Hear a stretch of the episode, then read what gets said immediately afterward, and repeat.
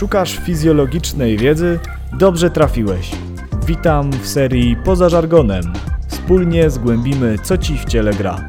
Podcast rozgłośnia.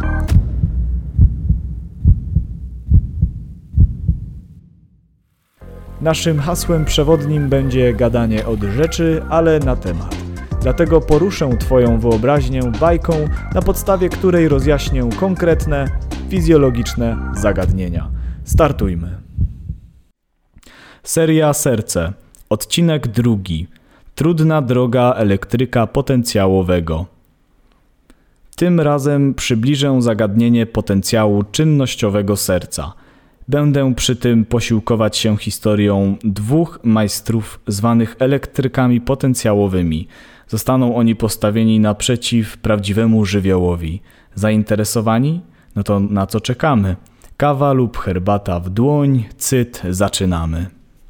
Nadszedł czas kalendarza galaktycznego, kiedy mgławica krążenia somatycznego z pozoru zatrzymuje się w zimnym bezruchu. Echem odbijająca się cisza rusza do tańca z niebanalnym krojem ciał niebieskich, spośród których część zdobi kołysanka pierścieni lub ich własne satelity, a wszystko w tle przyozdobione migotaniem gwiazd. To wspaniały moment, by przez chwilę zapomnieć o wartkim gwarze codzienności, tej zazwyczaj przepełnionej zamieszaniem części wszechświata. Nie wszystkiemu jednak w smak odpoczynek i statek serce tętni pulsacyjnie, choć leniwie. Przybliżę Wam dziś historię dwóch elektryków potencjałowych, mistrza ze swym uczniem, czyli Aleksandra Tysnat i Petera Longweilera. Zacznę od pewnych podstaw, by może trochę rozróżnić pewne definicje. Weźmy taki potencjał pod lupę. Jeśli mamy różnicę potencjałów elektrycznych, to występuje uporządkowany ruch elektronów w obwodzie. Od miejsca bardziej ujemnego do bardziej dodatniego. Dalej w potencjale osmotycznym cząstki rozpuszczalnika przepływają z układu o wyższym potencjale do miejsca o niższym.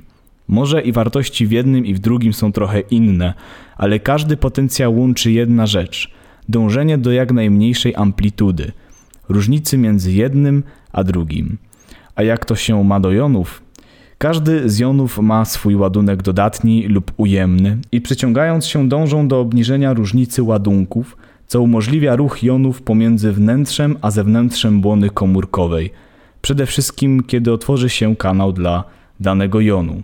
Dlatego jak grzejecie w domu i otworzycie okno, to mały plot twist. Zimno wam nie wchodzi do mieszkania, tylko ciepło z niego ucieka.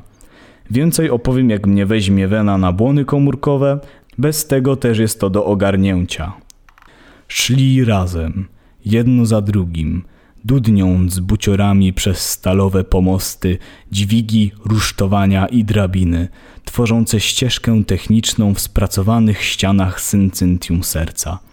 Nad nimi niczym zburzony ocean wymieniały się potencjały jonowe. Pani inżynier była mądrą kobietą, co róż upominała swego nieroztropnego terminatora, rzetelnie przy tym dozując raz ciekawszą, a raz żmudniejszą wiedzę o prądach sodowych, wapniowych i potasowych, o systemach kanałów i tym podobnych. Podjęła właśnie temat cykliczności, mówiąc: Praca syncytium dzieli się na pięć faz, Peterze, zaczynając od zerowej. Depolaryzacja w fazie zero, wstępna repolaryzacja w fazie pierwszej, plateau w fazie drugiej, szybka repolaryzacja fazy trzeciej i ostatnia faza spoczynek. Kobieciarz Peter, zapatrzony w wiszący nieopodal kalendarz, był myślami w innym miejscu i pomrukiwał w udawanej aprobacie, nieświadomy znajdującego się pod nim szybkiego kanału sodowego. W skrócie mamy trzy ważne typy kanałów przezbłonowych: szybkie kanały sodowe, kanały wapniowe typu L lub wolne kanały wapniowe i wolne kanały potasowe. Do tego odpowiednio trzy rodzaje dodatnich jonów: sodowe, wapniowe, potasowe. Mamy również wspomniane wcześniej zerową, pierwszą, drugą, trzecią i czwartą fazę potencjału czynnościowego. Depolaryzacja, wstępna repolaryzacja, plateau, szybka repolaryzacja, spoczynek. Te fazy potencjału mówią nam o odmiennych stanach amplitudy jonów, potencjałów jonowych. A plateau Mięsień musi pozostać przez dłuższy czas w napięciu, by umożliwić przepompowanie tych płynów, które od razu nie uchodzą dalej i oto magicznie kreśli nam się plateau. Wydłuża ono skurcz komór przy pojedynczym pobudzeniu 15 razy w stosunku do takiego bicka. Pech chciał, by ironicznie faza depolaryzacji rozpoczęła się w momencie, gdy czujność pani Tysnad została uśpiona gorliwym tłumaczeniem właśnie tej części cyklu. Wartka smuga jonów sodowych wyrzuciła w powietrze głośno wyjącego w przestrachu ucznia, siłą wypychając go z zadumy. Wskaźniki potencjału błonowego skafandra, trzymającego ciało mężczyzny w jednym kawałku, podskoczyły z ujemnej wartości minus 90 do 20 mV. Rozpoczął się skurcz ścian statku.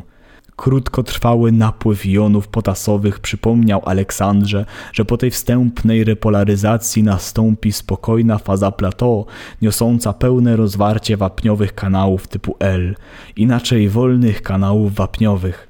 Rozprzestrzeniający się prąd wapniowy spowolniłby na tyle ciśniętego w powietrze Petera, by pochwycić go w locie i sprowadzić na ziemię. Kolejnej szansy nie będzie. Szybka repolaryzacja już jest w drodze. Kontrolki obok śluz wolnych kanałów wapniowych i potasowych zaczęły migotać. Pani inżynier odpaliła plecak odrzutowy i odleciała w stronę ucznia. Brawurowy czyn znikł za gęstwiną tumanów zatrzymanego wapnia i odpływającego potasu. I mamy depolaryzację. Otwierają się tutaj szybkie kanały sodowe i wolne kanały wapniowe.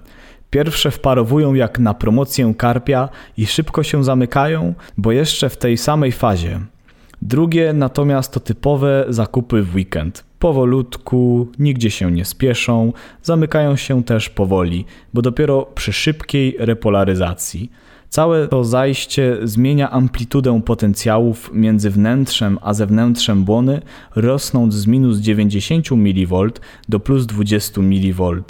Wraz z tym szybkim zamknięciem kanałów sodowych zaczyna się faza wstępnej repolaryzacji. Tutaj do zapamiętania, że winę ponoszą nieogarnięte wolne kanały potasowe, które wyrzucają potas i zawaliłyby sprawę z tym przedłużonym skurczem, ale zamykają się i stan równowagi potencjałów plato utrzymują w pełni otwarte już wolne kanały wapniowe. Ten wapń łączy się ze skurczem włókien mięśniowych i jego ciągła obecność ten skurcz podtrzymuje. Spoczęli oboje w ostatniej fazie potencjału czynnościowego, lądując bezpiecznie na Ziemi. Wskaźniki wróciły do wartości minus 90 mV. Burza jonowa nad ich głowami spotulniała. Tak samo jak roztrzepany temperament Petera. Dostał lekcję pokory, która w przyszłości uczyni go godnym następcą wspaniałej i odważnej pani Aleksandry Tysnad. Zanim Fajrand to trzeba posprzątać. I tak przed fazą spoczynku, gdzie wszystko wraca do normy, mamy jeszcze fazę szybkiej repolaryzacji. Tutaj prosto z mostu kanały wapniowe stop, potasowe start. I ucieka sobie ten dodatni potas obniża się potencjał wewnątrzbłonowy i powraca wewnętrzny potencjał do minus 90 mV. Wiem, że to strasznie zawiłe, ale mam protipa. Każdą fazę charakteryzuje czynność dwóch jonów. W depolaryzacji to wpływ sodu i wapnia, we wstępnej repolaryzacji zatrzymanie sodu i wypływ potasu. W plateau zatrzymanie potasu i wzrost wpływu wapnia, w szybkiej repolaryzacji zatrzymanie wapnia i wypływ sodu. W fazie spoczynku wypływ studentów na miasto i wpływ dietetycznej coli. No i tutaj się nasza historia kończy. Nie była to łatwa droga. Też miałem jazdę przez wyboje. Cześć!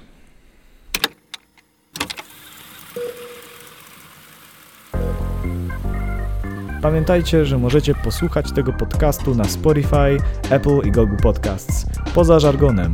Filip Łojek.